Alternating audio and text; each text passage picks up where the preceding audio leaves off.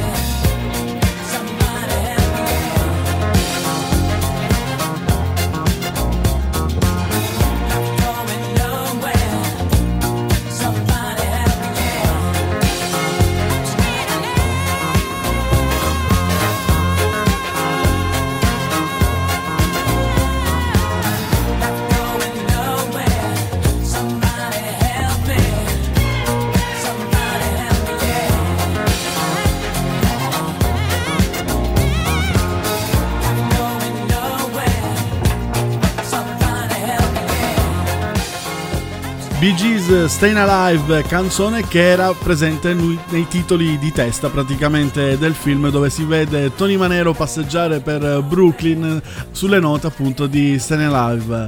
Questo è Wake Up, io sono Tony e questa settimana ci occupiamo di colonne sonore e spostiamoci a, a Chicago 1980. I fratelli Blues, i fratelli Jack ed Elwood Blues scoprono che mh, il loro orfanotrofio, mh, l'orfanotrofio nella quale sono eh, praticamente cresciuti, sta per chiudere perché per mancanza di, di, fondi.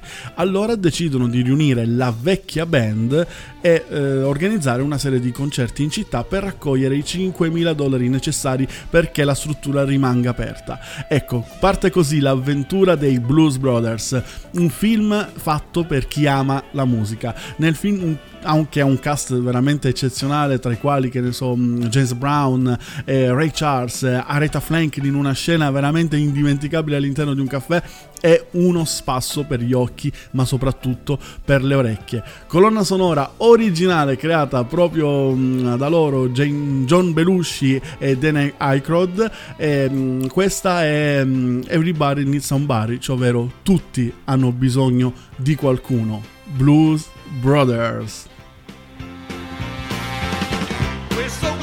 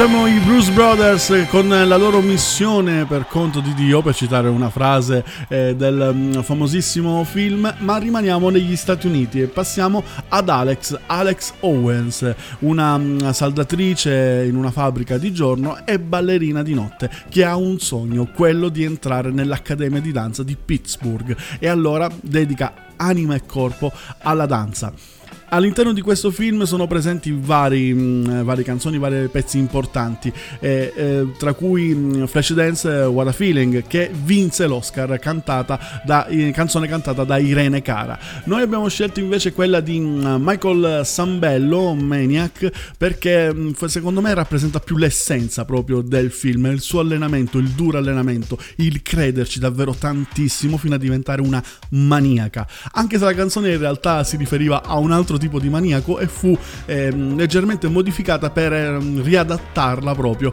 a questo film. Michael Sambello, Maniac.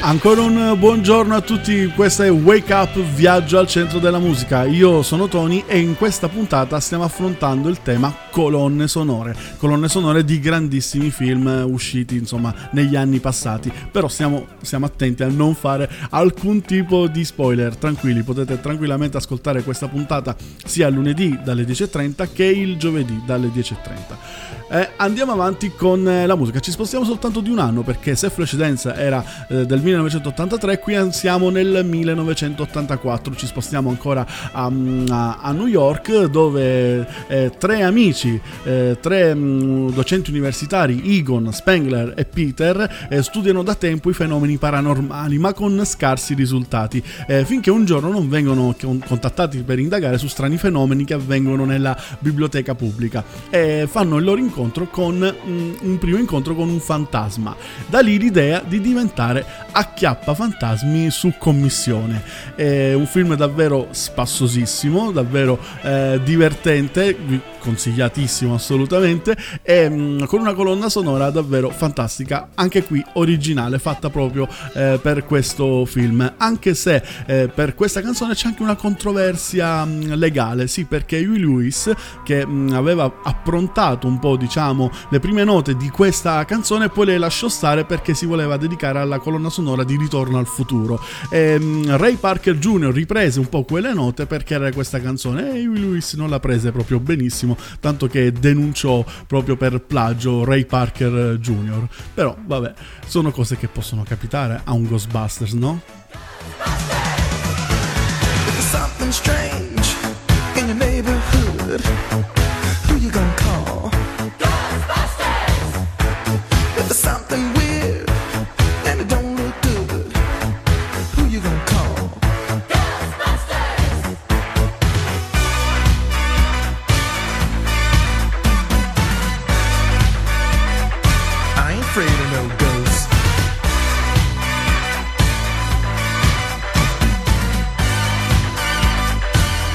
afraid of no ghosts.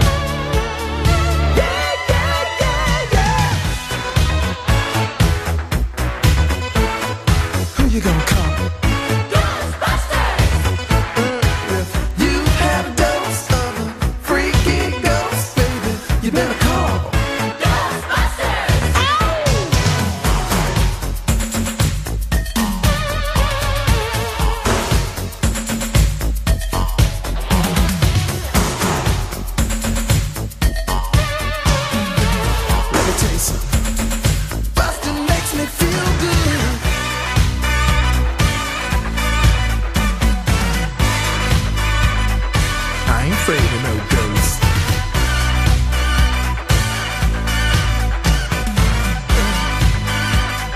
I ain't afraid of no ghosts. Don't get caught alone, oh, no. Ghostbusters! When it comes through your door, unless you just want some more, I think you better call.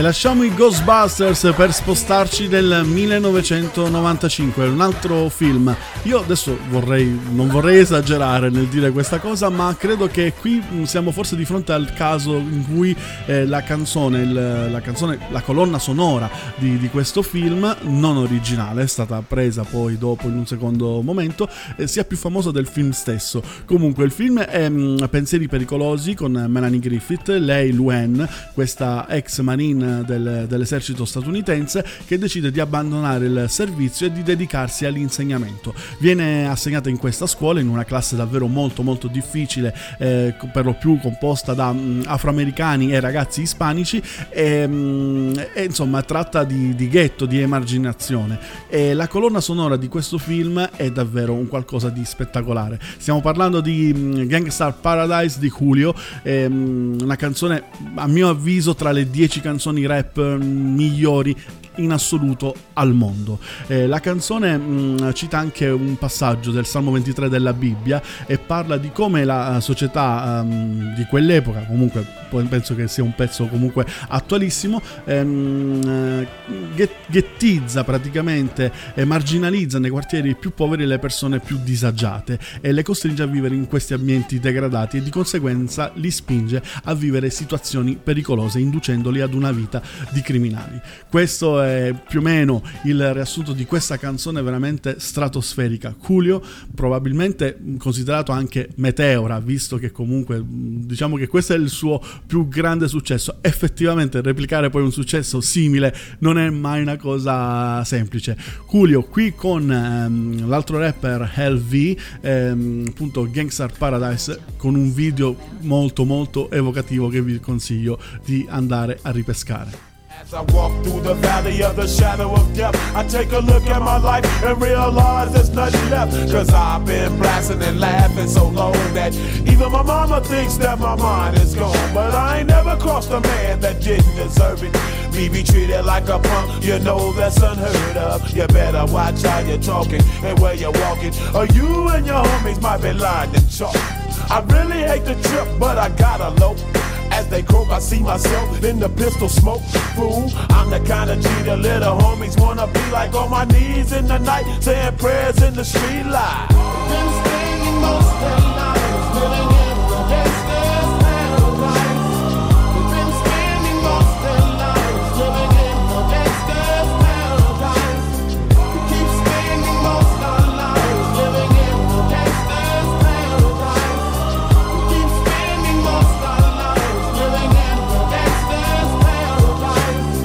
situation they got me facing. I can't live a normal life. I was raised by the state, so I gotta be down with the hood team. Too much television watching got me chasing dreams. I'm an educated fool with money on my mind. Got my tin in my hand and a gleam in my eye. I'm a loped out gangster, set tripping banker. And my homies is down, so don't arouse my anger. Fool, death ain't nothing but a heartbeat away. I'm living life, do or die. What can I say? I'm 23 now, but will I live to see 24? The way things is going, I don't know. Tell me why are we so blind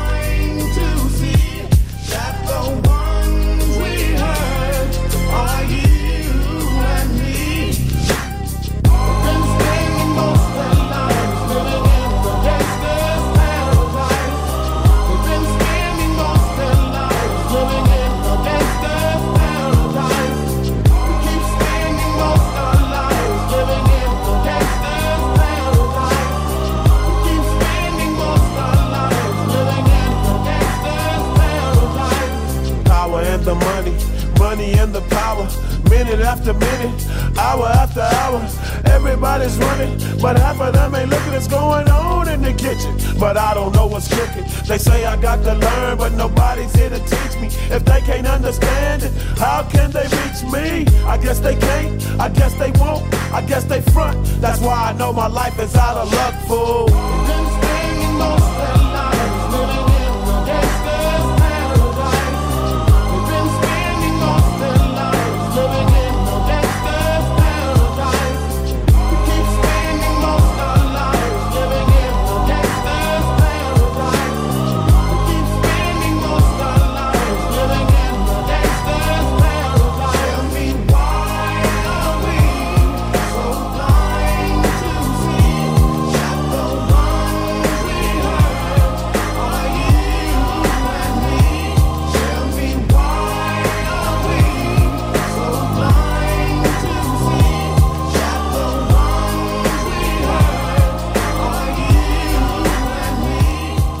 Veramente fantastica per chi ama il rap come me, per chi ama l'hip hop, insomma questa è de- una canzone, una pietra miliare veramente eh, del genere alla pari di, che so, Ghetto Gospel di Tupac eh, o altri capolavori simili, davvero grandissimo Julio. Ma andiamo a scoprire l'ultima, can- l'ultima canzone, l'ultima colonna sonora che abbiamo selezionato per voi all'interno di Wake Up eh, di oggi. Siamo nel 2003 e mh, mm, questo film è del, uscito nel 2003, protagonista Jack Black. Eh, Jack Black qui è, interpreta un, um, un, rocker, un chitarrista, uno che um, ha il sogno di riuscire a vivere di musica, eh, ha il sogno che insomma il rock possa eh, dargli quel riscatto che insomma nella vita di tutti i giorni non ha. Eh, interpreta Dwayne Finn che viene scaricato dalla propria band proprio perché lui è un vero rocker tanto tanto troppo esibizionista. Per una serie insomma di eventi lui arriva a, a, a mettere su insieme una band, una band formata da ragazzini. E ehm, ovviamente non spoileriamo nulla, non diciamo nient'altro della trama, soltanto che questa canzone che adesso abbiamo selezionato è stata realizzata esclusivamente per il film, quindi insomma una canzone originale, davvero bellissima da vedere. E, ehm, un'altra piccola curiosità, mm, come dire, nota a margine del film, è uno dei pochi film in cui potrete sentire una canzone dei Led Zeppelin, a parte che approfitto per dire che all'interno del film ci sono ACDC, Ramones, eh, Velvet Underground, eh, Deep Purple, davvero tantissimi tantissimi artisti sono citati, ma i Led Zeppelin hanno dato mm, il permesso di utilizzare la loro canzone Immigrant Song in una scena, in una piccola eh, scena, dopo un video realizzato dallo stesso Jack Black. Comunque, questo è Rock Got No Reason, School of Rock, Jack Black alias Dwayne Finn.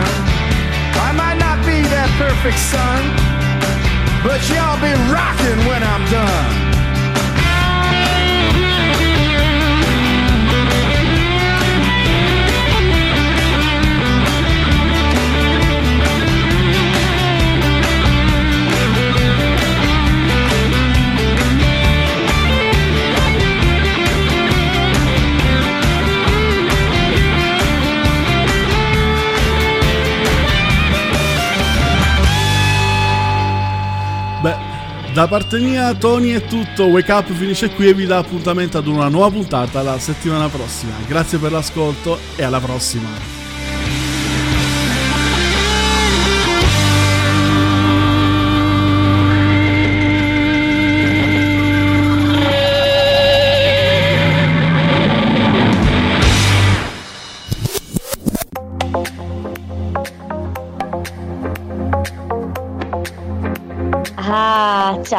Allora, Wake Up.